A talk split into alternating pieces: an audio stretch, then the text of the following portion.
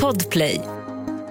Välkomna till krimpoddarnas krimpodd Över min döda kropp med mig Anna Jinghede och Lena Ljungdahl.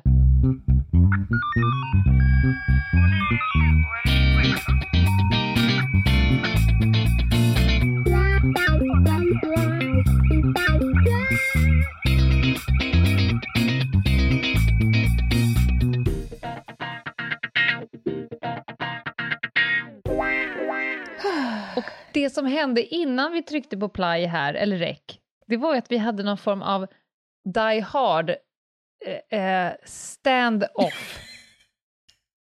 vi jämförde Ja. olika nära, nära döden-upplevelser som vi haft sista dygnet. ja, ja, nu känner jag genast att vi kanske inte behöver gå vidare på det här spåret. Vi, vi säger bara att det är tycker- 1-0 till Jag gör dig. en liten recap. Nej, fan. Jag berättade precis att jag hade varit inne på en bisalong och att någonting hade hänt med min sväljorganisation.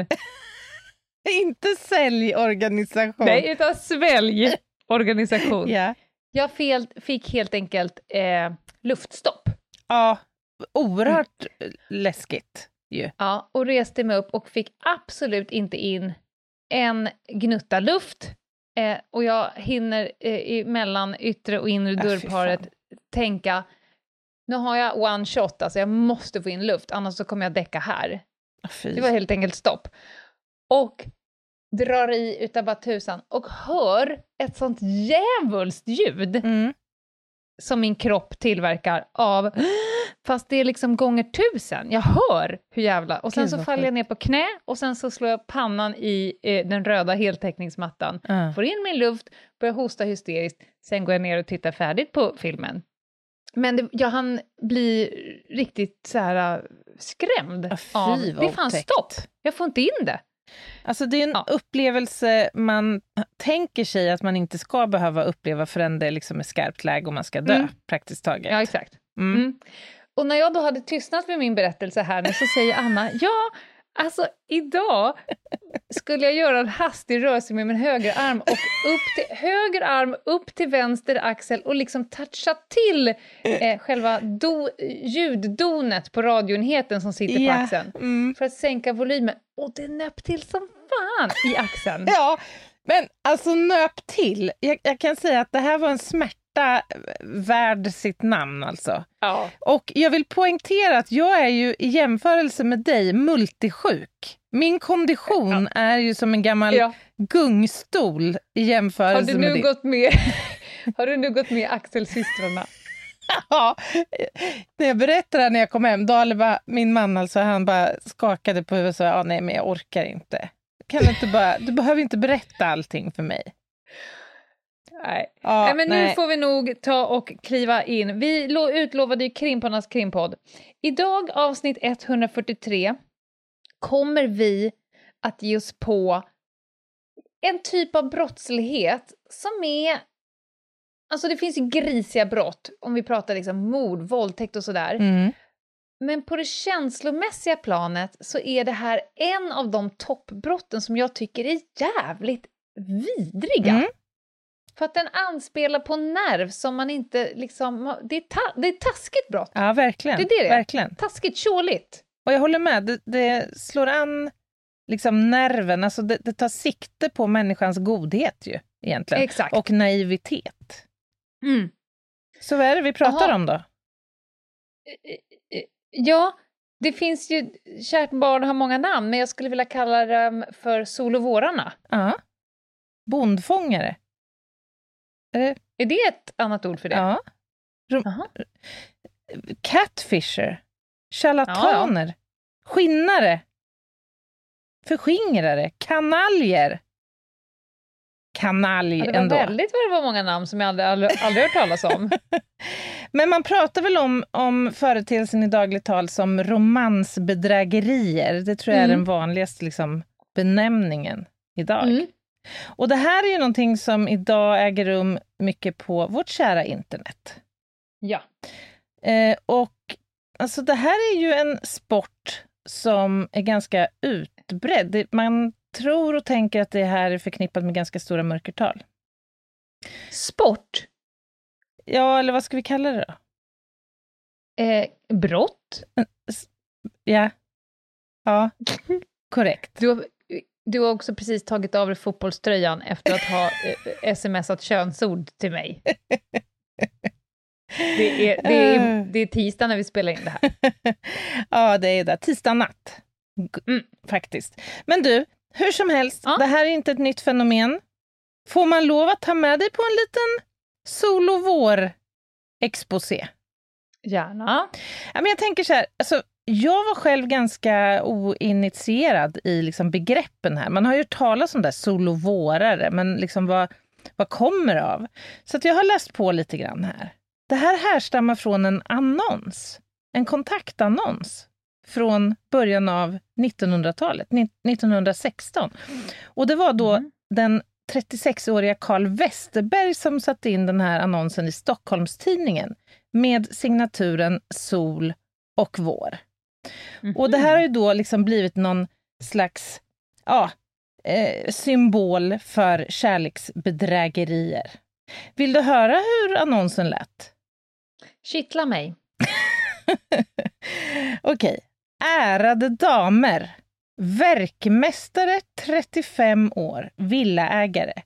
Söker på detta sätt bekantskap med hederlig och god flicka eller änka ur arbetarklassen. Någon förmögenhet önskvärd. Svar, Svar förtroendefullt till sol och vår. Och så kom det sig så att fröken Helga Berggren, hon fick feeling som du hade sagt och svarade på Ja. annonsen. Hon lånade då sedermera denne Carl Westerberg 2000 riksdaler som idag motsvarar över 70 000 kronor, har jag tagit reda på. Ja. Och vad tror du hände med Carl Westerberg då? Never to be seen again. Exactly. ja. Exactly. Men han kunde senare gripas i alla fall och Mhm. dömdes till sex månaders straffarbete. Men han beskrivs ju då som urtypen för en sol och vårare och därav begreppet. Men annars, eh, så vi hade ju faktiskt idag, till avsnittet idag utlovat ett spännande case. Nu tog Mm. vi ett litet medvetet avsteg. Det kommer att komma case. Men idag så blev det ju sol och vårar temat istället. Så låt mig berätta om två individer som vi kan idag förknippa med den här verksamheten. Mm. Raskenstam, ja, det känner man igen. det känner man igen. Men jag tror att det är många som är lite osäkra på om det här är en figur som vi känner igen från någon film, eller om han faktiskt har existerat på riktigt. Och det har han Mm. gjort. Och han beskrivs ju som eh, kanske den allra främsta, eller mest ökända i alla fall, solovåraren i den svenska kriminalhistorien. Han föddes som Anders Gustav Eriksson i Värmland 1901. Mhm. Eh, och det fi- alltså, jag- ska säga så här, jag har letat runt för att hitta en del information om Raskenstam, men det är ganska torftigt. Det är tunt. Så att jag ger dig det jag har funnit. Jag tar emot. Ja, vad härligt. Mm.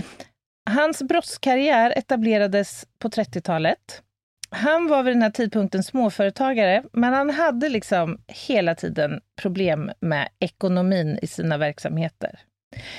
Men han hade samtidigt ett stort intresse för kvinnor och han beskrevs av kvinnor som väldigt charmig och artig och liksom levnadsvan och belevad. Mhm. Han beskrevs också som en livsnjutare som lockades av det goda livet. Så kvinnor han träffade tog han ju med då på liksom fina restauranger och det bjöds liksom stort och flott. Men han hade ju då en bakomliggande tanke med detta. Och det var ju att snärja de här kvinnorna med charm och löften om liksom både äktenskap och gud vet allt. Tackar, tackar. Ja. Han dömdes eh, första gången 1934 och enligt stämningen då så ska han vid den tidpunkten ha lurat ett 30-tal olika kvinnor på totalt omkring 100 000 kronor. Och det kan man ju tänka var en ganska stor och ansenlig summa pengar vid den här tidpunkten, Absolut. 1934. Han fick då fängelse i alla fall i två år och sju månader. Men inte hade han lärt sig läxan.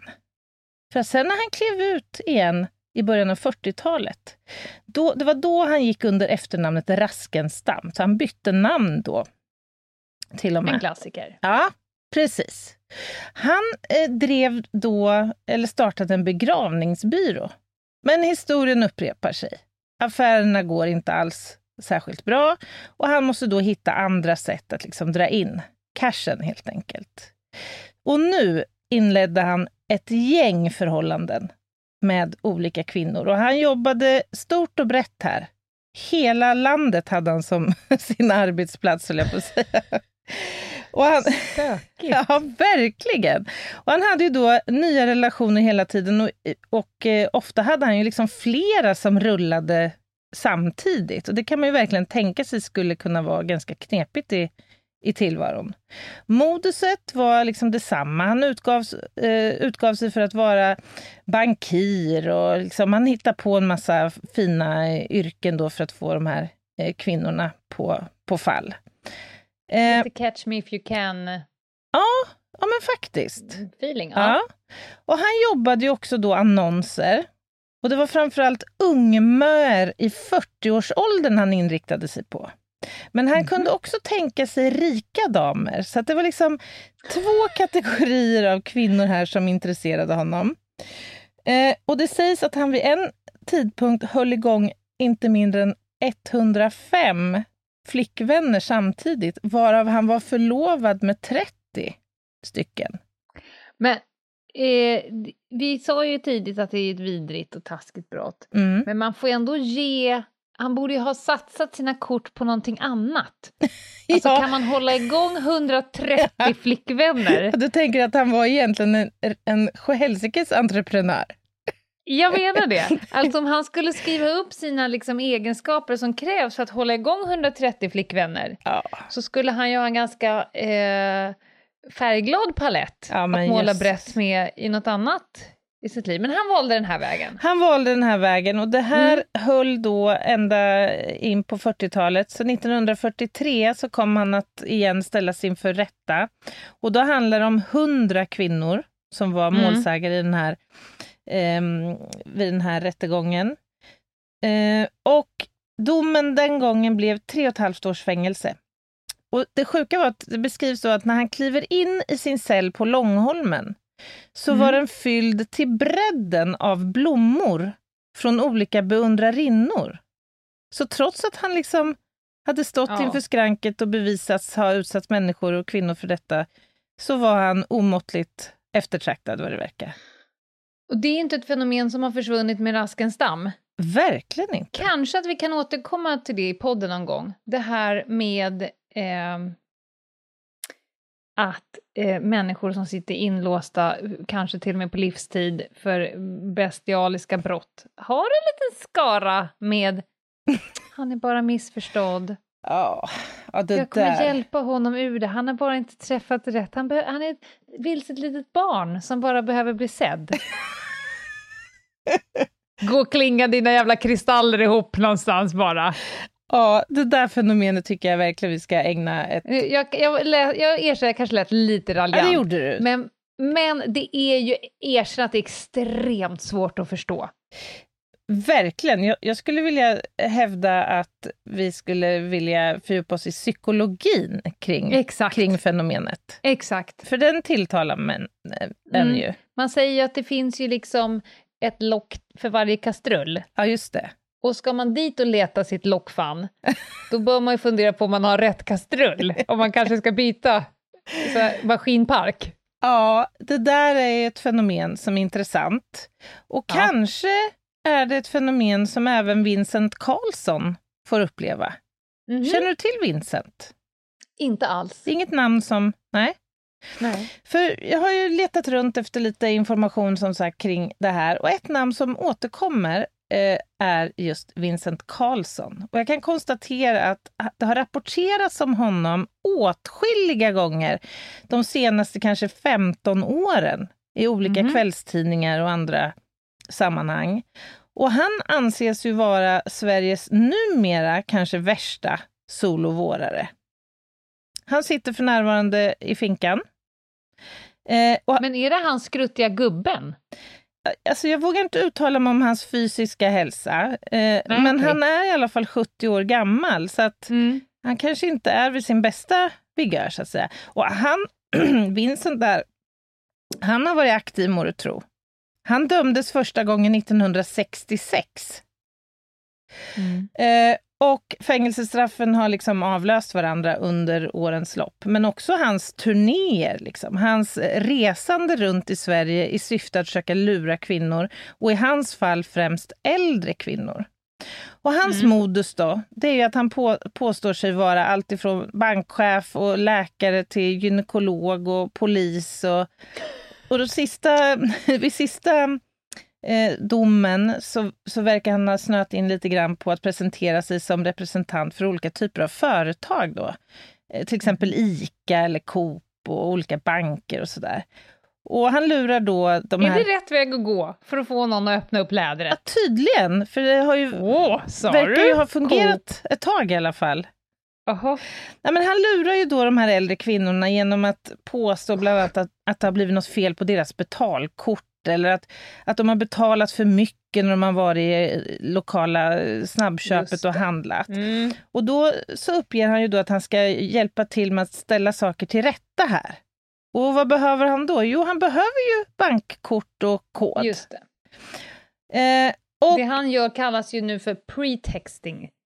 Mhm. Alltså den mänskliga vari- varianten av phishing. Om du tänker Ja, phishing är när man så här, Mm. Kastar ut massa mail, typ i jultider i Postnord, i deklarationstider så är det Skatteverket. Mm. Och så hoppas man på att några klickar. Ja, just det. Det andra är liksom mänskliga varianten att jag ringer upp dig. En fysisk person utger sig för att vara för något annat för att sen locka dig att göra någonting, logga in på ditt bank-id eller vad det nu är. Mm. As. Eh, eh, taskigt. Framförallt eftersom man gav sig på äldre. Ja, äldre och Mm. utsatta. Sen har han, och det är lite intressant om man ska titta på någon slags profil på den här typen av förövare. För han utger sig då ibland för att vara både läkare och gynekolog som sagt, och verkar också ha liksom sexuella preferenser i sin liksom kriminella gärning.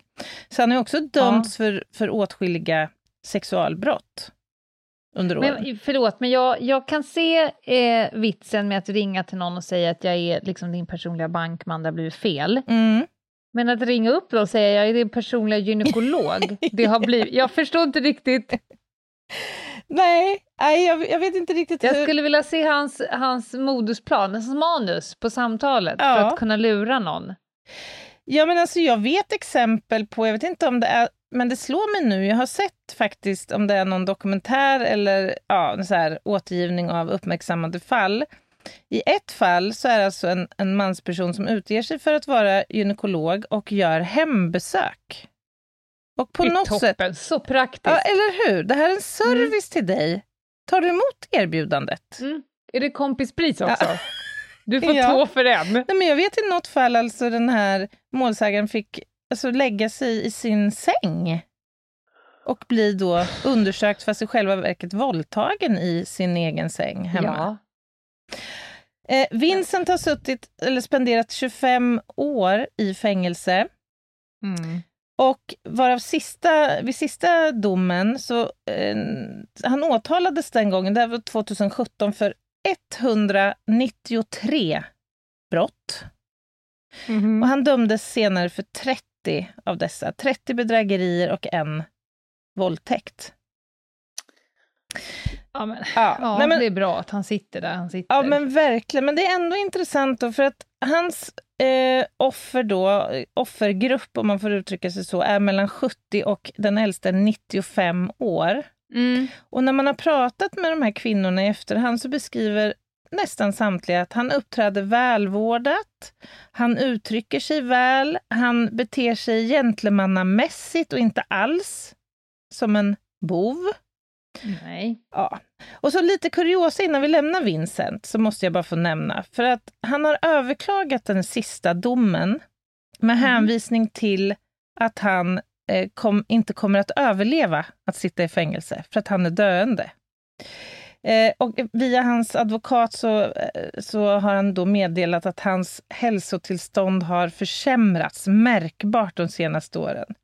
Men då har, är det någon av tidningarna som har intervjuat någon på kriminalvården om det här, som säger Ja. till media Karlsson har själv uppgett att han bara har några månader kvar att leva, vilket han dock har uppgett under flertalet år. Han liksom kör sin grej. Hela vägen.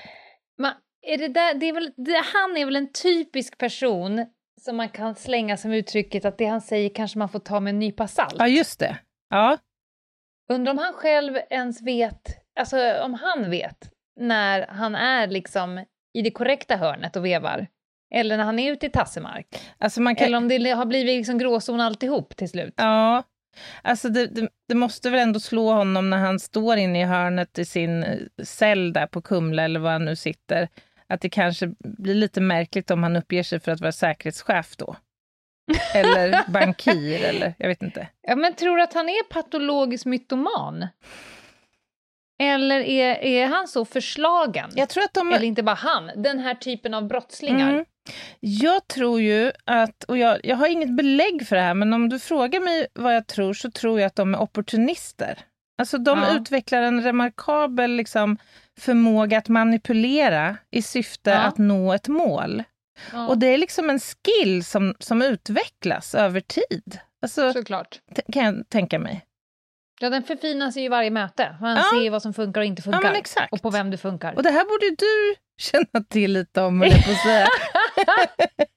Missförstå mig rätt, Ljungdahl, men ja, jag men tänker... alltså, Instrumentet är väl inte Ja, helt ja, ja, ja, olikt ja. det du har pratat om tidigare som, som används i spaningssammanhang.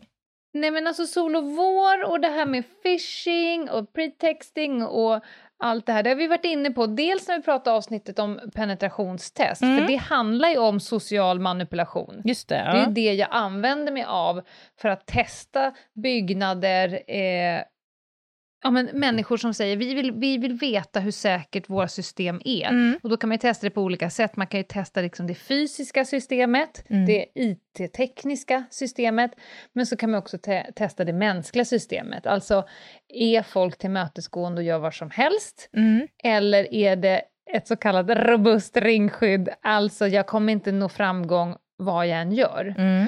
Och då använder man ju sig just av det här, social manipulation, och gärna mixat med tekniskt kunnande. Och då är det som kallas för social engineering. Men, men kan du inte försöka sätta ord lite grann på vad som är nyckeln här? För att det är ju lätt som utomstående att tänka, men jösses vilka korkade människor som går på det här. Hur Mm, kan man lämna ut sina kontouppgifter till någon man inte känner och hur kan man liksom inte förstå tror- vad det handlar om?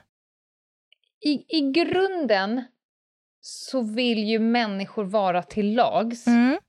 Vi har ju väldigt svårt att ifrågasätta främmande människor. Mm. Framförallt om de trycker på en knapp som är då kanske sympati, empati, hon ser ut som jag, hon är som jag.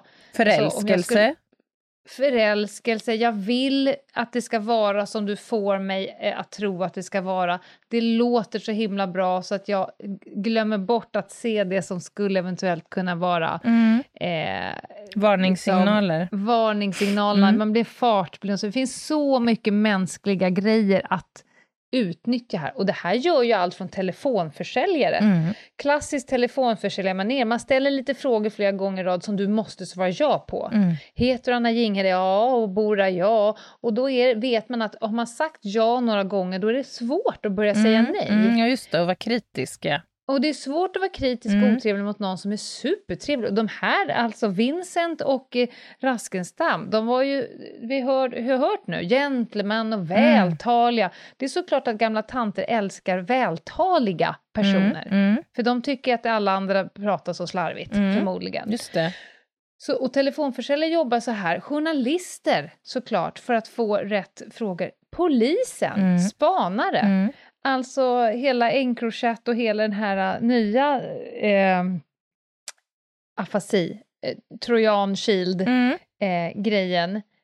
Eh, det är ju ett sätt av social engineering, att de skickar på dem någonting, de Mm. kriminella, Just det. en chatt. De har förpackat den på ett sätt, de har säkert skickat ut den i samband med att det brukar komma uppdateringar. Alltså jag får dig att, vi- Mm, vilseleder dig och får dig att göra saker för att jag har tryckt på rätt knappar.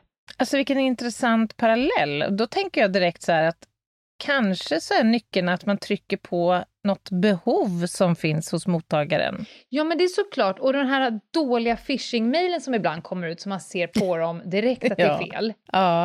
Eh, men när de lyckas, det är ju när phishingen har föregåtts av en viss research och kartläggning så Mm. att man kommer med träffsäkerhet. Om du precis har ägnat, inte vet jag, två veckor åt att researcha en möhippa, då Mm. måste jag ju trycka till där du är, den du är, Mm. efter det behovet du har. Då är ju din gard, det gäller ju att plocka ner garden och så tajma in det rätt. Mm. Då är det inte så svårt att förstå att man där... Och så vill man väl. Jag kan berätta om ett litet case som jag fick hjälpa till i. Då pratar vi alltså en CFO, Mm. finanschefen på ett jättestort bolag, Mhm. som sitter framför mig och gråter. Vi pratar Lille Skudd. Wii! Mm, Wii! mm. Sådana tårar. Då har hon alltså överfört tre, hon har tre utbetalningar Mm. om jättemycket pengar vardera Mm. rätt ut i, i knät på en, någon kriminell Mhm. Och inte känt förrän vid tredje utbetalningen att fan, det är något som inte stämmer. Du vet när man Mm. släpper in varningsklockorna. Mm, mm, Och där hade de gjort jättebra research och kartläggning. Det hade föregåtts av många mejl mm. med rätt information, rätt svar på hennes dubbelkollande frågor. Mm. Och då hade mejlen, eh, de klassiska vd-bedrägerierna, då hade mejlen, de hade ju utsett sig för att vara hennes chef. Mhm. som vädjade om hjälp. Så hon hamnar ju också i en makt, ja, maktbalans där. precis. Hon är ju skyldig Ja. att ge. Hon vill, vill ha bra eh, liksom, lön och hon vill behålla sitt jobb Mm, och sådär. Mm. Hon vill vara till lags. Exakt, Mm. och då sa jag till slut, men vad var liksom eh, sista pusselbiten då, som Mm. gjorde att du förstod att det inte var han som mejlade dig? Mm. Och då sa hon, det är i och för sig lite deppigt, men då sa hon så här, han var lite för trevlig Ja. i mejlen. Ja. Min chef är aldrig trevlig. Nej, Han är okej. ganska kort, han är korrekt, men han frågar aldrig hur det är eller sincerely eller Mm, något sånt där. Mm. Och det var då jag kände så här, nej det är nog inte han. Mm. Och då paniken, när man har precis skickat iväg ett par miljoner. Ah, fy fan. Panik! Och då skulle Oh. jag bara vilja säga det här med brottsskadan, jag kommer in på det på en gång här nu bara. Mm. Det är inte det värsta kanske att man blir utsatt för ett brott. Nej. Eller för, fört för- över två miljoner till Nej, någon obehörig. kränkningen Mm. kränkningen att någon har lurat dig, är det dessutom romansbedrägeri? Mm. Mm. Alltså du har ju kanske lyckats bli kär, Ja, eh, du har satt alla dina Du känner dig så dum men jag tänker korkad. skammen måste ju vara Skammen. enormt tuff alltså. Förlora tryggheten till sig själv, Mm. Mm. förlora tryggheten och tilliten till andra, Mm. förlora tilliten till att jag själv är en person som är duktig på att bedöma andra människor. Mm. Allting går ju ner på noll. De Mm. sitter där och bara, nej men alltså jag borde inte få ha rösträtt. Åh, och dessutom så kan det faktiskt vara så att du verkligen också har hamnat i en ekonomiskt extremt Ja, utsatt ja, ja, ja, ja. situation därför att du har be- belånat kanske hus och hem för att kunna Visst. hjälpa då den här personen som uppger sig vara i nöd eller vad det nu kan handla om. Visst. Och allt grundat i att du vill bara vara, Mm. göra väl och du vill bara vara snäll och du vill bara tro på det här goda. Mm. Det, det var det jag menar med att det är en sån jävla vidrig typ av brottslighet. För det förstör så himla mycket. Verkligen. Ja. Men du, kan vi prata lite vad, om vad det är för brott? För att bedrägerier Mm. är ju ganska uppenbart att det handlar om. Ja, det är en, en vanlig. Eh, och de gamla bedrägerierna hittar man ju i brottsbalkens nionde kapitel. Mm. Eh, och det är lätt sagt så är det så att om någon vilseleder dig på något sätt, om får dig att, att, att göra någonting eller att avstå att göra någonting, det kan faktiskt också vara ett bedrägeri. Mm. Och då är också, det, det måste innebära vinning för mig Mm. och skada för dig. Just det. Jag har gjort något som har fått dig att göra något eller undvika att göra något och så vinner jag på det och det skadar dig. Mm. Då är vi inne i bedrägeri kapitlet och vevar. Mm. Mm. Och, alltså, det måste ju vara ganska problematiskt, tänker jag, att bevisa brott i de här lägena. För att Mm. det är ju inte straffbart liksom, att inleda en relation för ekonomisk vinning i sig. Eh, Du måste ju uppfylla Nej. liksom rekvisiten, alltså kriterierna för de här olika brotten då. Bedrägeri eller stöld eller vad det nu kan vara. ja, nej, Så helt rätt. det känns nej. utmanande på något sätt. Fördelen nu eftersom många brotten begås liksom på nätet och inte i annonsform Mm, i Mitt i Stockholm-tidningen eller vad han nu eh, annonserade i. Och det, liksom, det, finns ju i alla fall eh, spår av bevis Mm. i olika former av text. Men, men förstår du nu om någon har smörjt någon i ett halvår, smickrat, svarat, det är väldigt svårt att hitta liksom, vad är själva beviset i det här. Ja, verkligen. Ja, du har rätt. Men kan det vara andra brott också då? Som hänger Ja, med det här? Hela det här äh, landet att, eh, vi har varit inne på phishing, eh, det är inte ett eget, eget brott, men, men hela det här att utnyttja dig och din persona, Mm, det kan ju vara eh, att utnyttja din identitet, alltså att jag använder dina uppgifter. mm, Jag har lockat dig, jag har romansbedrägat dig, mm, eh, så jag använder mig sen av dina eh, uppgifter, jag kanske utger mig för att vara dig på sociala medier, mm. eh, på något sätt allting som kan göra skada för dig eller olägenhet för dig. Då finns det ett brott som heter olaga identitetsanvändning. Mm. Ja, just det. Och det, då är vi inne i fjärde kapitlet brottsbalken och det eh, fjärde kapitlet har som rubrik eh, brott mot frihet och frid. Mm, Alltså att du ska få välja själv vad du använder dig Mm. själv och ditt personnummer och dina bilder och din appearance till. Men om någon annan har lyckats nästla sig in i dig mm. så kan jag använda mig av så pass mycket uppgifter om dig som jag behöver för att själv Mm. kunna sen leva High Chaparral på dina... Ja, och det här är ju inte heller någonting som ofta sker över en natt, så att säga, utan det, det är ju ofta hos förövaren så finns ju liksom ett långsiktigt perspektiv ändå. Så att det kom, jag, jag tänker att det kan vara ganska svårt att värja sig, därför att det Mm. smyger liksom in under huden på en. Ja, men förstå också om du är kär. Mm. Alltså, ursäkta mig, men alla har ju varit kär någon gång. Ja, man blir lite knäpp i huvudet då. Man är inte sitt absolut mest sharp, sharp as an edge. Nej, Det är verkligen ju lite inte. mer som att man är typ Barbapappa på heroin, Mm. ungefär. Vi, vi pratat lite grann om det här att de som utsätts för de här personerna av liksom någon slags egen och fri vilja lämnar ifrån sig bankkort och personuppgifter och koder Mm. och vad det nu kan vara.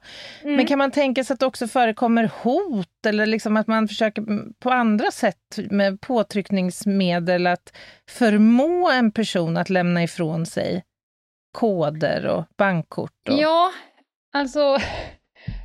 Du återgår till det där när man är kär. Mm. Det kan ju hända att det har skickats ut någon pusselipussig-bild. Eller så. Jag sa det så nu, Anna.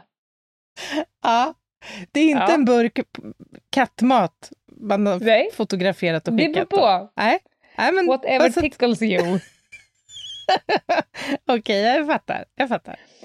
Nej, men säg att du har bilder på mig Mm. Som du sen eh, sprider. Ja, just det. Eller eh, på något sätt liksom eh, kan skada mig. Mm. De, de är ägnade till en sak och så kanske du eh, tänker använda dem till något annat. Mm. Det, det blir ju integritetsintrång. Mm, Eh, och mm. det är också i sig ett brott. Och det kan ju bli så att om han nu hade 136 flickvänner, Mm. man får ju rätt mycket information eh, kring, om personer som man liksom har en relation med. Ja, visst. Och då är det ganska lätt att skada någon, tänker jag. Mm. Man hamnar ju lite i klorna Ja, verkligen. om man inleder eh, relationer med fel Mm. personer. Som det här då såklart är. Man, man kan också tänka sig att man liksom förskjuter gränsen lite grann. Ah, Mm. Han har ju fått mitt, han vet ju koden nu till mitt bankkort. Han kan väl Mm. lika gärna få bankdosan också, eller vad vet jag? Ja, men det blir se, du, har en, normalisering. du har ju en relation. Ni har Mm. ganska mycket information om varandra. Mm. Du skulle kunna tillfoga eh, ganska mycket människor i din närhet ganska stor skada om du bara hade haft ont uppsåt. Mm. Nu har du ju inte det, tack och lov. Mm. Men det är ju så, här, så de jobbar. Mm. De nästlar sig in för egen vinning, annan skada eller olägenhet. Ja, men eh, nu eh, kände jag att det blev anspänt och jag måste gå och kolla så att jag har koll på mitt bank-id. vi tar en paus. Ja, det gör vi. Ett poddtips från Podplay. I fallen jag aldrig glömmer djupdyker Hasse Aro i arbetet bakom några av Sveriges mest uppseendeväckande brottsutredningar går vi in med hemlig telefonavlyssning och, och då upplever vi att vi får en total förändring av hans beteende. Vad är det som händer nu? Vem är det som läcker? Och så säger han att jag är kriminell, jag har varit kriminell i hela mitt liv men att mörda ett barn, där går min gräns. Nya säsongen av Fallen jag aldrig glömmer på Podplay. Välkomna tillbaka till krimpoddarnas krimpodd. Och idag pratar vi om Sol och vårare. Lena, alltså jag är så förbryllad över det här beteendemönstret hos de här gärningspersonerna. Mm. Alltså vad är...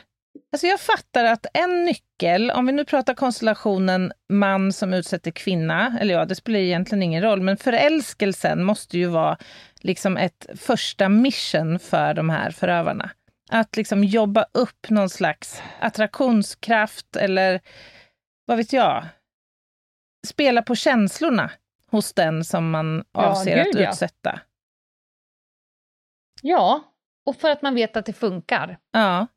Jag, jag måste säga, jag har ju sett det här lite från andra hållet. Mm. Ett par, jag har ju hållit på, eh, när jag då jobbade på en enhet inom polisen som höll på med eh, att försöka kartlägga grovt kriminella som håller på med vapensmuggling, narkotikasmuggling och sådär. Mm.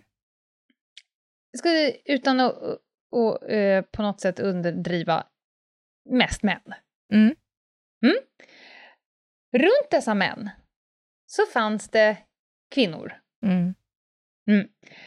Och det här, det såg, det, det hade vi ju telefonavlyssning och så vidare och så vidare. Så vi, man kände man var liksom med i relationen kan man säga. Mm.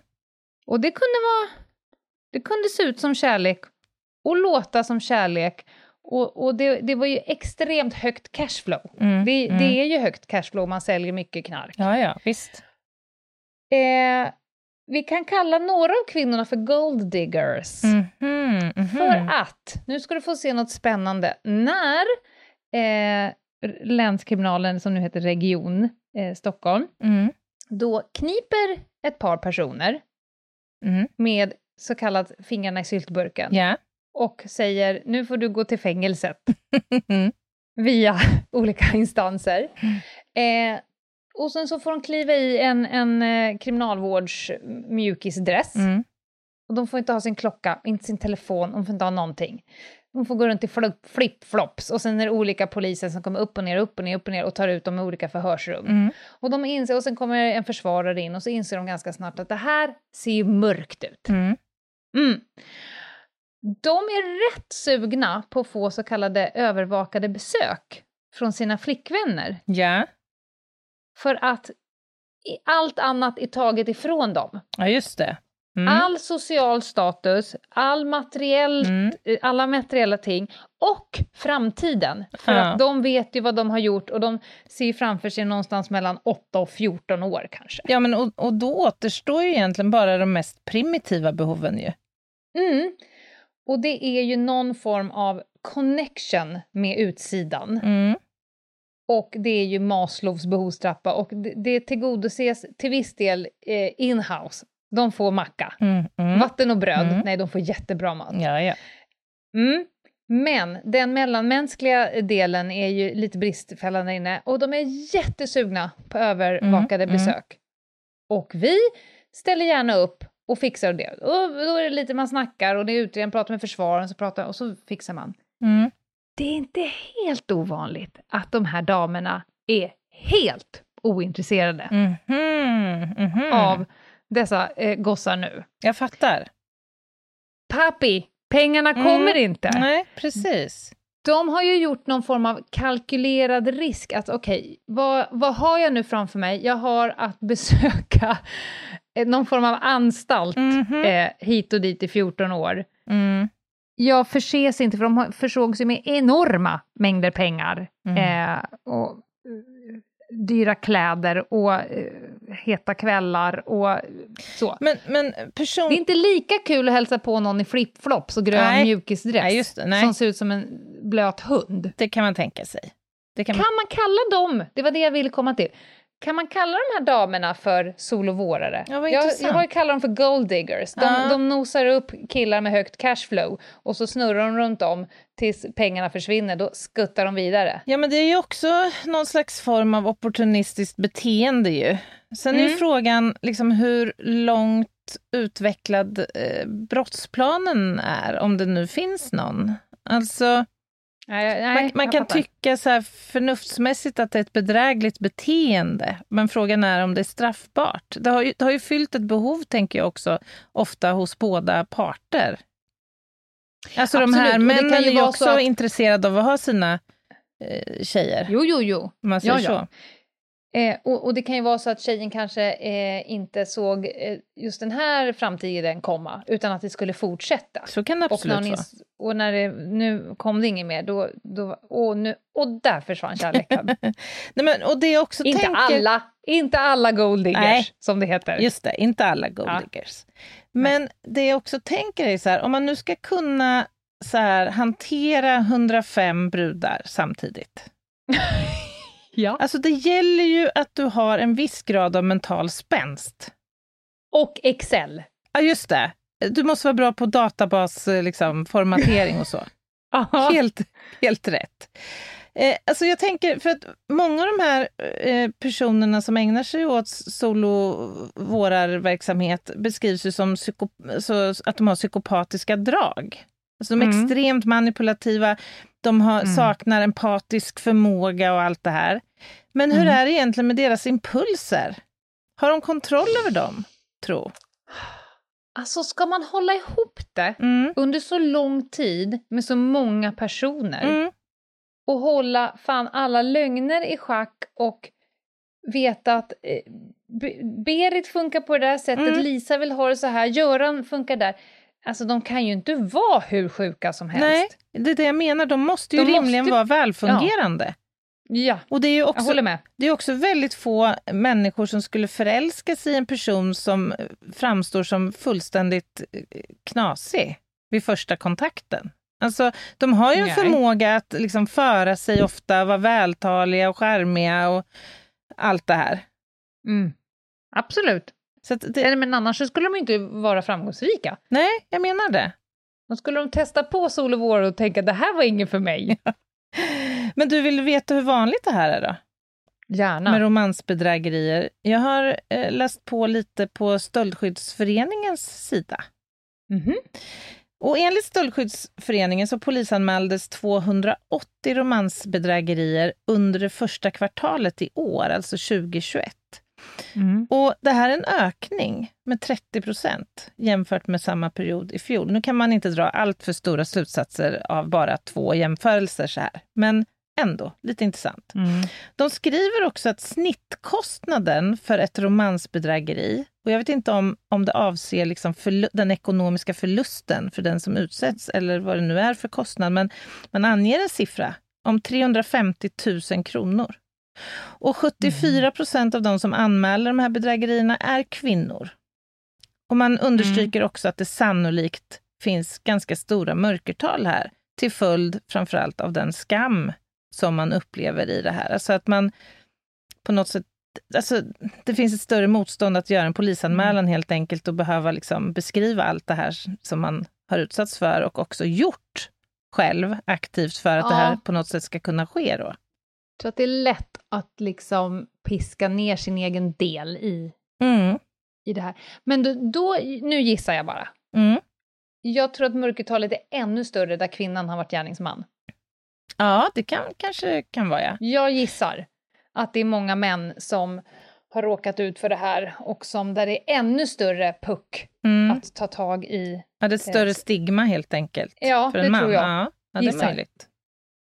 Det är möjligt. Mhm. Men du, sen har vi ju vårt kära internet. Mm. Och jag tänker att det är ju en arena för de här människorna. Ja, är det inte mest där kanske nu för tiden? Rimligen. Jag vet inte var, var sätter man ens in en kontaktannons idag i pappersformat? Du, nu tänkte jag börja sjunga Anslagstavlan-låten. Men det blev mer Super Mario. Jag kommer inte ihåg vad den hette, eller hur den lät. Nej, men nej, det är väl den lokala tavlan utanför, eh, inte vet jag, ATG-butiken. Nej, men det är klart att det är internet.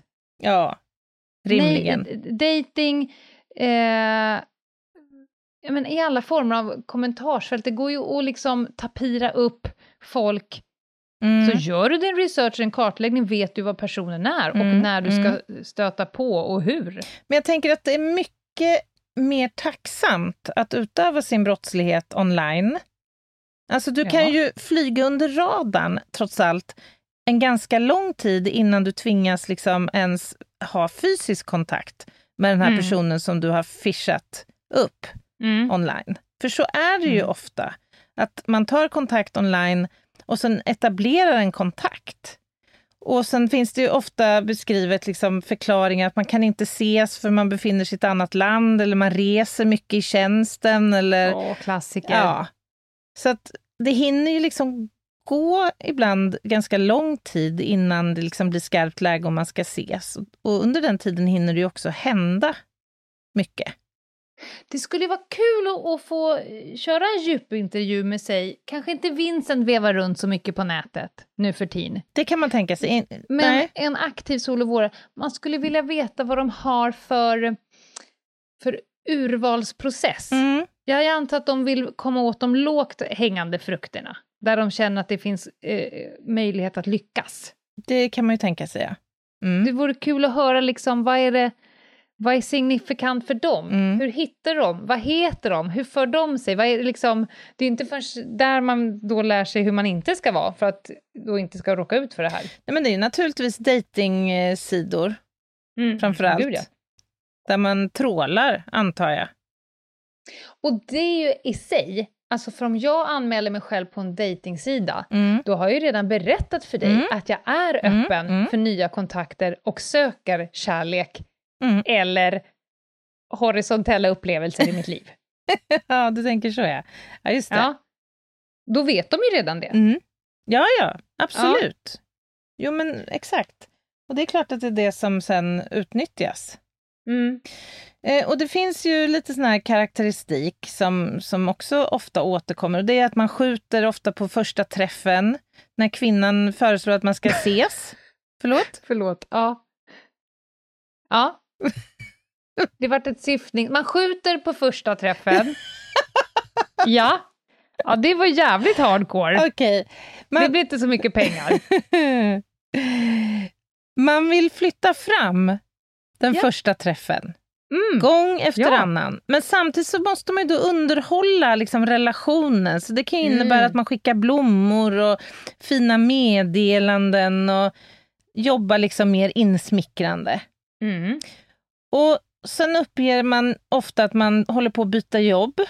Och det pratas ofta om högstatusjobb. Det är läkare, piloter eller fotomodeller eller...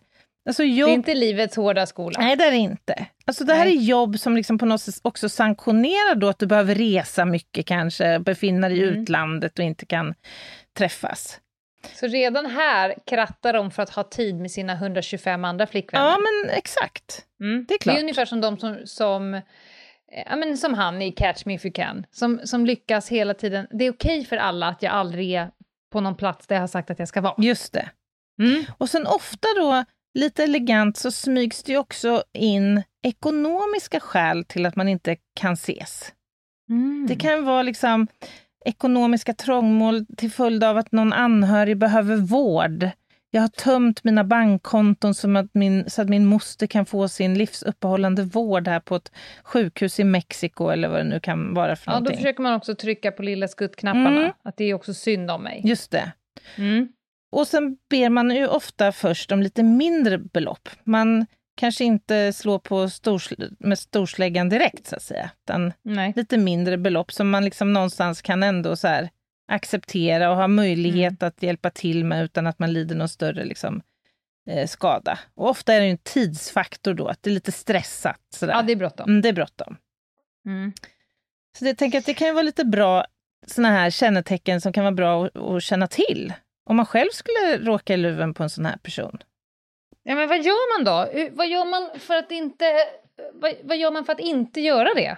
Ja, men alltså, min första tanke är ju så här, för, för ibland så kan jag uppleva i, hos människor i min närmsta krets, det är absolut inte människor som har utsatts för det här, men att det finns en stor naivitet när man dejtar online och man träffar killar och man pratar om killar man haft kontakt med i 24 timmar och sådär. Och det slår an lite så här, det blir en varningsflagg för mig att om en person upplevs så fantastiskt bra, så snabbt och allt det här, då, alltså om det upplevs för bra så är det oftast det också. Alltså att man måste faktiskt försöka hålla sina, sin frontallob lite intakt, även om man Ja. går igång på alla cylindrar och vill Mm. träffa den här personen. Och varför inte ställa lite kontrollfrågor? Va? Fy fan vad sexigt, Anna. Ja. Alltså, se framför dig du har... Observera, swipat- det var inte jag- kontrollbesiktning jag pratade om. Nej, nej, nej det, kan- det kan ju för sig vara sexigt.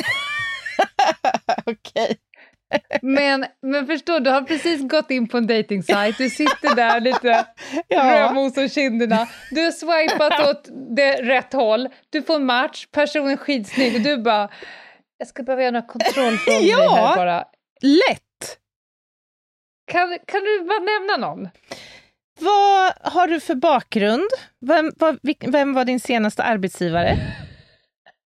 Varför valde du det här personen förväntar yrket? sig frågan vad har du på dig? Så kommer det, Ja, vad, har, vad var din sista arbetsgivare? ja, lätt! Lätt! Ja, men jag är på din sida, men det är så himla roligt för att det är så himla otippat. Fast man kan ju göra det på ett roligt sätt då. Ja, men alltså jag kan säga så här, vi satt i, jag satt i ett möte häromdagen ju, eh, Ja. som du också är involverad i. Det här. Ja. Du, ja. Vi ska inte säga för mycket här nu, men Nej. Men, och då, vi, vi har fått ett, ett erbjudande, så, så skulle man kunna säga. Och det låter nästan lite för bra för att vara sant. Ja. Och då, då kommer den där röda flaggan upp. Gud och ja. innan- Vi, har ju, Mm. vi har ju liksom monterat ner denna man Ja, i sömmarna. Inte bara han. Han fick ju nu då, för du var inte med vid sista mötet, han fick Nej. ju redogöra för alla anställda vid det här företaget, vad de har för bakgrund. Och jag har ju kommit till internets sista sida på de sociala medierna och kollat upp adresser och så Ja. vidare. Och det är Ja. väl ytterligare en bra grej man kan göra. Vi, har ju, vi omges ju av, eller vi, vad ska man säga, vi skyltar ju med ganska mycket faktiskt ändå. Ja. spårbar information om oss själva idag på internet. Mm. Så att den läxan kan man ju åtminstone göra. Ja, och vi som kommer liksom från myndighets-Sverige, vi har ju en väldig förkärlek för motringa. Just det. Får jag bara eh, ge det exemplet? Och du tyckte det var osexigt att ställa kontrollfrågor. Ja. Och så kanske man har klivit över, vi har hållit på och, och dejtchattat här nu och så kommer vi fram till att, eh, att vi ska prata med varandra i telefon. Så man ska få höra rösten. Ja, Örjan ringer upp ja mig det. Ja. och säger Hej, ja det är jag, Örjan. Du, kan jag få be att få motringa dig? Kan, kan jag få ditt nummer? Mm. Han bara, det var ju precis jag som ringde. Ja. Ja, nu kommer jag att ringa dig. Men nu- Jag vill ha ditt nummer. Ja, Halva Precis. inne! och då kan man passa på att kolla, eh, är det ett kontantkort du har eller? Ja, Ja. varför har du kontantkort? Varför har du kontantkort för? Är det en buslur? Men du, om man anar oråd då, Ja, är det inte en bra grej att då avbryta helt enkelt den här kontakten? där har du ju något. Ja, det tycker jag nog ändå. De incidenter jag har fått hantera så blir det ofta en väldigt distinkt dra i bromsen. Mm, mm. Inte lite grann, Nej. utan dra ner den så att ABS-arna bara pum, pum, pum, pum Ja, och sen det. är det still. Mm. Ja. Mm. Och sen är det bara frys läget. Dokumentera allt. Alltså nu menar jag om du verkligen förstår att du har blivit bedragen. Mm. Annars behöver du inte börja dokumentera allt och så här. Då kan du bara lätt glida ur situationen och Ja. säga tack men nej tack. Ja. Hej men nej. Men, eh, men jag menar, om det skulle komma en fråga av liksom, eller frågor om mer ekonomisk karaktär vid andra Ja, samtalet eller dejten. ja, ja. Det är ju en Då varningsflagg. Ja, nej men alltså det skulle jag säga att en, en fråga av ekonomisk karaktär ska inte komma innan två år. jag ger det två år. ja, okej. De får väl bläddra i taxeringskalendern Ja. som alla andra. Ja, just det. Nej, men framförallt, ge inte ut någon känslig information Nej. överhuvudtaget. Och framförallt, skicka aldrig pengar till någon som du inte känner. Nej. Och har du barn, pass på. Min kära son ringde jag häromdagen. Eh, mamma, kan jag få dina fyra sista siffror i ditt personnummer? Ursäkta? Vad ska du göra? Eh, jag ska gå in på Avanza och köpa aktier. Eh, Precis. Och det var då de kom, kontrollfrågorna. exakt! Mm. Du ska vara så här, du är ju, du, du är ett barn till att börja med. Och vi börjar där. Ja. Eller så här, kan du säga inloggningskoden till mitt bank-id, jag ska göra det här? Nej, jag säger inte det till dig. Och jag, för att det tar vi på telefon. Det ska inte finnas i ett sms Nej. i din telefon överhuvudtaget. Du får, du får ringa om du vill något. Mm. Just det. Jag motringer mitt eget barn. Som en mycket djupt sjuk person. Ja, just det. Ja, det, det Mm. håller jag med om. Men om man nu ändå utsätts för det här. Då frys läget, dokumentera allt. Spara, spärra, fota, eh, skriv ner, Polisanmäl. logga, polisanmäl. Och känn för fan ingen sorg för mig, Nej. eh, Göteborg höll jag på att säga. Känn ingen skuld eller skam. Nej. Det är inte lätt, men och ta hjälp, ta stöd Ja, men i, i framförallt så fall. det. Mm, Och då kan vi puffa lite grann för brottsofferjourerna faktiskt. gärna. Som alltid finns tillgängliga. Om Mm. man nu skulle ha oturen att utsättas. Mm, Bra Anna! Ja. Det var solovåreriet. just det. Det pågår ju där ute på Verkligen. alla sätt. Så eh, ta hand om er och var rädda om era uppgifter. Ja, Låt mig nu verkligen. säga också, släng inte era jävla kuvert med era absolut mesta uppgifter om er själva och era finanser och så vidare i tidningsinsamlingen i det lokala grovsuperummet. Nej, Nej. precis. Framförallt så ska du inte göra det för att om det är fönsterkuvert så kan någon som spårar komma hem och säga att de här, lilla vän, får du inte slänga i pappersinsamlingen. Jag älskar vändningen! Locard glider in på Ja. slutet. Ja, kom ihåg att du lämnar alltid spår efter dig. Locard är dig på spåren. Ja, definitivt. Nej då, skämt åsido. Det var avsnittet om sol och vårare. Var ska vi Mm. nu, Lena Ljungdahl? Jag har förberett en rövhatt om inte du har någonting emot Åh. den vägen. Gud, jag trodde aldrig du skulle fråga. Såklart Nej. inte. Bring it. Lenas rövhatt. Då, Anna, ska vi idag ägna oss en liten, liten stund åt människorna som föddes utan hjärna. Jaha, okej. Och innan ni sätter pappret i maskin och anmäler mig för funkofobi, Mhm, mm. så menar jag inte att de fysiskt födda utan hjärna, för de är det ju synd om. Verkligen. Det är ju tråkigt. Mm. Nej, utan jag pratar om de som beter sig som att de saknar Mm. antingen hela hjärnan eller i alla fall väsentliga delar av den. Mm. Jag tror jag förstår. Jag har målat upp fem olika scenarion som jag har sett under de senaste dagarna i mitt liv. Oj! Där jag har ställt mig själv frågan, har du inte en hjärna? eller är du bara en rövhatt? Har du varit ute och trålat i eh, olika eh, grupper på Facebook igen? Nej, nu är jag i den fysiska, IRL. Oh. Mm. Mhm, mhm. Låt mig börja med meningen jag behöver ju inte själv vaccinera mig om jag väntar tills tillräckligt många andra är vaccinerade. Men Lena, du kan inte ta den här på plats nummer fem. Det här En är ingen plats, det är helt utan inbördes ordning. Ja, nu är klockan långt efter spöktimmen. Oh. Men smaka på mentaliteten att jag fattar att det är bra med vaccination, Mm, mm, men om alla andra gör det så slipper jag Mm, själv. Just det. Det är nästan värre än de här jävla foliehattarna som inte ens tror på vaccination. Ja, för att det här... För de kan jag liksom sätta epitetet foliehatt på. Ja, men framför allt, de bor ju ofta i en hydda i skogen kanske. De här människorna du pratar om, de utsätter ju andra människor för... Runt omkring oss. Ja! I see dead people. Ja. Ja. Kan vi vara överens om att, att personen saknar någonting? Definitivt. Ja. Och det finns också en gemensam nämnare på de här fem situationerna. De saknar exakt samma del. Vi kan se om du kan de- definiera delen sen Jaha. med din medicinska kunnighet. Ja, ja, ja. Jag går ner på, på nummer två. Mm. Lite mer lindrigt. Rökare som går, man går bakom en person på gatan Ja.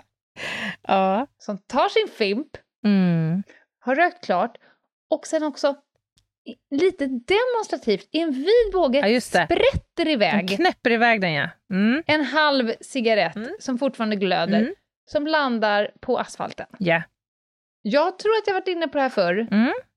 Jag har kanske till och med nämnt att min mamma jagar ju kapp de här människorna och Mm. säger du tappar något Mm. och trycker den här glödande fimpen i, i handloven på dem. Saknar samma del. Jajamän. Jag är helt med dig Mm. här. Kusinen till den, det är när man eh, är, är på E4, man åker bakom en bil, Mhm. sen kommer man till ett rödlyse, bromsar in lite, stannar till. Mm. Då ser man, dömer man ifrån när bildörren går upp. Mhm.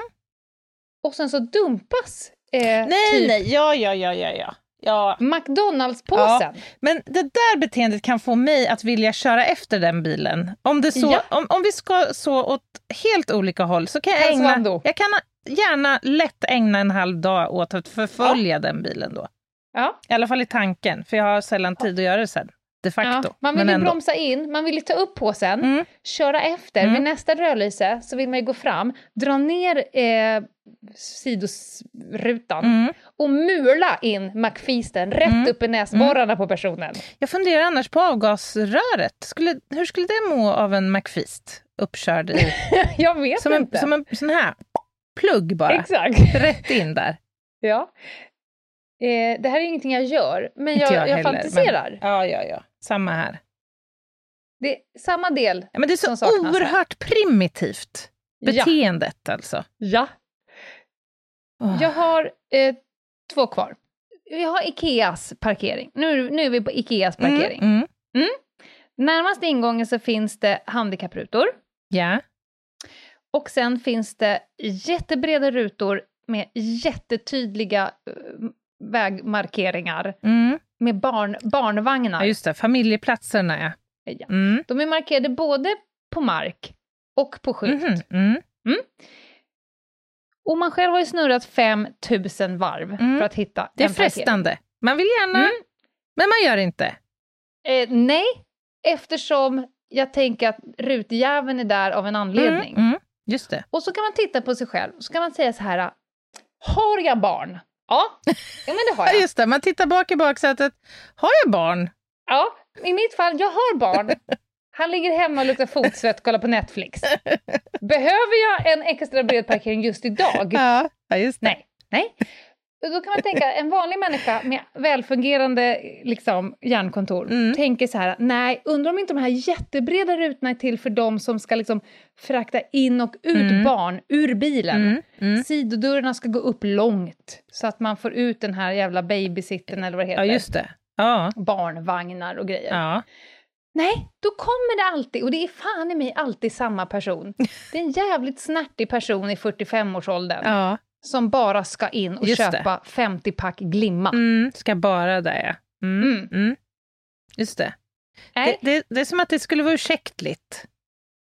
jag är så sugen på att köra in två stycken asbestbussar på varsin sida om bilen. Ja, just Det är det. tre millimeter Tränga in. på båda Ja, sidorna. ja, jag fattar. Jag fattar. Och gaffatejpa igen Ja, bakluckan. men, men det gör du inte. det gör jag inte Nej, heller. nej, det gör du inte. Nu kommer vi till sista. Okej. Och det här är någonting som har hänt i mitt eget liv. Mhm, mhm. Inte sista dagarna, utan det här var ett tag sedan. Mm. Jag hade varit på en ö och spelat padel med min mor. Mm. Det gick sådär. Åh nej, var det den matchen? Det gick sådär för min arma moder. Mm. Man kan säga att hon hälsade på nätet. Ja, det, Mm. det så skulle man kunna säga. Hon fick närkontakt till och med med, med nätet. Närkontakt. Ja. Man kan också konstatera att näsan bröts på fem Ah, Gud. ställen och den här skiljeväggen kollapsade. Mhm. Mm. Och det var Stockholms blodbad på paddelbanan. Det Ljungan gör då är att hon gör någon form av livsuppehållande eh, åtgärder på eh, morsan, kastar ner henne i en eh, båt, bränner över till fastlandet, kastar in henne i en bil, alltså det är så mycket blod överallt, Mm. kör som en tok i cirka en timme Mm. in till civilisationen, kommer till en närakut. Mm. I coronatider så blir man ju stående utanför närakuten. Ja. Och så får man i turordning, liksom kommer ut någon rymdmänniska i mask, visir, Mm. galonkläder, det är liksom månlandningsmänniskor. Mm.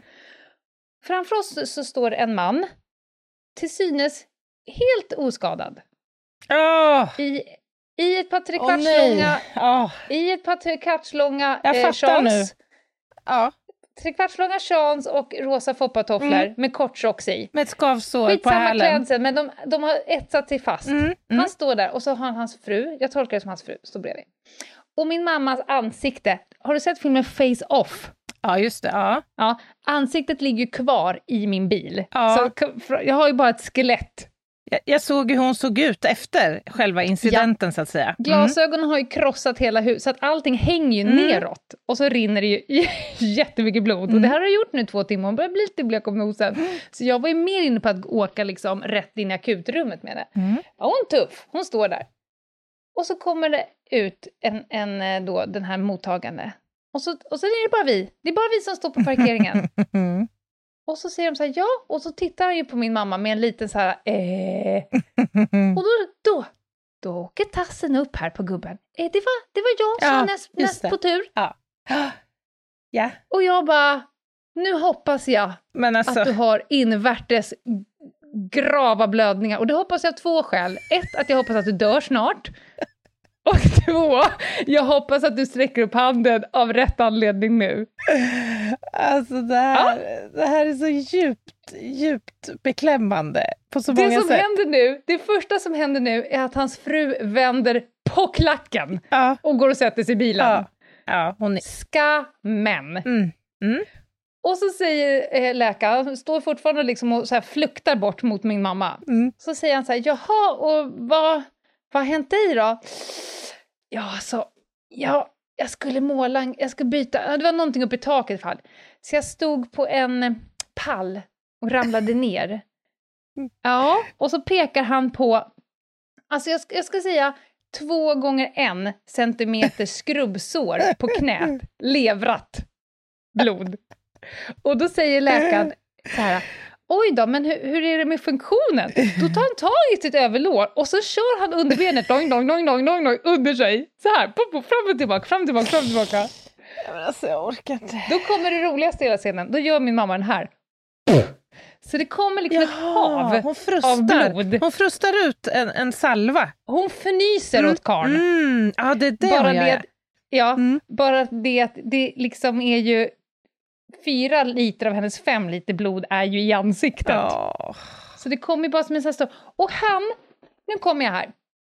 Han är liksom de andra. Människor som inte kan tänka på annat än mig, Mm. mig, mig. Mm. Mm. Som de här fåglarna i Hitta Nemo. Min, Mm, min, min, mm, min, min, min. mm. Det är några jävla Mm, rövhattar. Mm. Jag håller verkligen med. Jag håller Vad verkligen med. gör man? Det här är samma personer. Det här är samma person som jag har beskrivit nu fem olika Mm, scenarion. Vad fan rätt. gör man med dem? Nödslakt? Ja, jag vet inte. Man kan amputera kanske allt ovanför nyckelbenen. Skulle vara det allra och bara enklaste. använda dem som, som sängbord? Mm. Ja, något ändamål måste man kunna hitta. Mm. Ja, men det, alltså det, ja, Ett bruksföremål? i någon slöjdsal. På en deppig... en rubank? Nej, jag vet inte ens vad det är. Det är någon slags hyvel väl? Okej, okej, okej. I biologiskt... Nej, men alltså det här, Ja, Anna, men- det här ja. kan få mig... Och så många gånger i samhället som man bara tittar på folk och tänker... Fan, du tänker bara på dig själv. Och det här, tog, det här kom jag på som en motkontrast, Ja. eller motpol till dagens brottsoffer. Mm. De som är så jävla godtrogna och vill så Mm. väl och vill Ja, dela ut just sina det. pengar och göra vad som helst. Motpolen till dem är de här jävlarna som, som har så många situationer i livet där de kan göra rätt. Men, men Ta alltså, rätt på din egen fimp, ta ditt jävla vaccin, ta rätt på ditt eget grepp och låt kärringar utan ansikte gå före. men jag utgår ju från att de här människorna är liksom per definition jävligt självcentrerade i allt Ja. väsentligt. Det är inte bara i de här situationerna. Nej. Så att, alltså, det här är ett personlighetsdrag, det går inte att tvätta bort det där. Det går inte. Fan vad deppigt. Ja, oerhört. Oh, Det, bäst, det bästa är nog att inte omges av sådana människor. Alls faktiskt. Nej, de brukar ryka ganska Mm, snabbt. de är självsanerande oftast. Mm. Men, det var men. det. Ja, oj, oj, oj. Vilken, vi, vilken rövhatt du bjöd på idag, Ja. Lena. Ja. Jag är helt tagen här. Mm. Det kan det vara. Men inte eh, så tagen så att jag inte kan eh, tala om var våra härliga lyssnare ska vända Nej, sig. men, stopp, stopp, stopp, stopp, stopp! Det är någonting viktigt du ska annonsera idag. Jaha, är det Vad är det? det för dag imorgon? Ja, ja, ja, ja, ja, ja. I, imorgon är det ju lilla julafton. Just Andra precis. juli är lilla julafton. Mm. Mm. För då, vad händer då? Då är det 24 timmars merch. Det Mm. brukar komma eh, efter löning, det var midsommar, så det kommer imorgon. Så imorgon, 2 juli, så har ni 24 timmar på er att köpa, ska vi säga det? Oh, jag ser att du liksom- ja, ja, ja, ja, drabbad Åh, men gör det då. Säg det då. Lucard kommer på Ja. besök. I 24 timmar kommer ni kunna köpa tygkasse, mugg, tisha med Oh. Mr Lucard himself. Alltså. Oh, Han är oss på spåren. ja. Jag vill att han ska vara det. Ja, jag vet att du vill det. Mm. Och för er som kommer lyssna på avsnittet i efterhand, sorry, min sorry, för att hela upplägget är att man kan bara köpa våran 24 timmars merch i 24 Mm, timmar, mm. hence the name. If you snooze. You lose. Mhm. Nu kan du få komma med det Ja, andra. jag kan, nu kan jag knappt prata, jag är i chock. Muntorr. jag är muntorr. Nej men hörni, vi har ju ett Instagramkonto, Ljungdahl och Ginghede. Häng Mm. med oss där. Eh, och om ni vill komma i kontakt med oss, så mejla ljungdahl och ginghede.gmail.com. Snyggt, det där gjorde du bra. Och så hörs vi på lördag på liven, Mm, kvart mm. över elva på Insta. Ja, det gör vi. Ha det! Ha det! Bye, bye! Bye, bye, bye.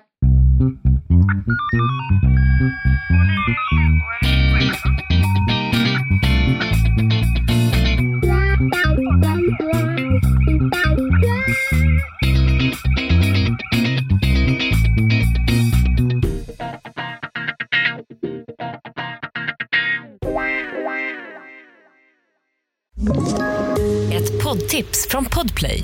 I fallen jag aldrig glömmer djupdyker Hasse Aro i arbetet bakom några av Sveriges mest uppseendeväckande brottsutredningar. Går vi in med hemlig telefonavlyssning och, och då upplever vi att vi får en total förändring av hans beteende. Vad är det som händer nu? Vem är det som läcker? Och så säger han att jag är kriminell, jag har varit kriminell i hela mitt liv men att mörda ett barn, där går min gräns. Nya säsongen av Fallen jag aldrig glömmer på Podplay.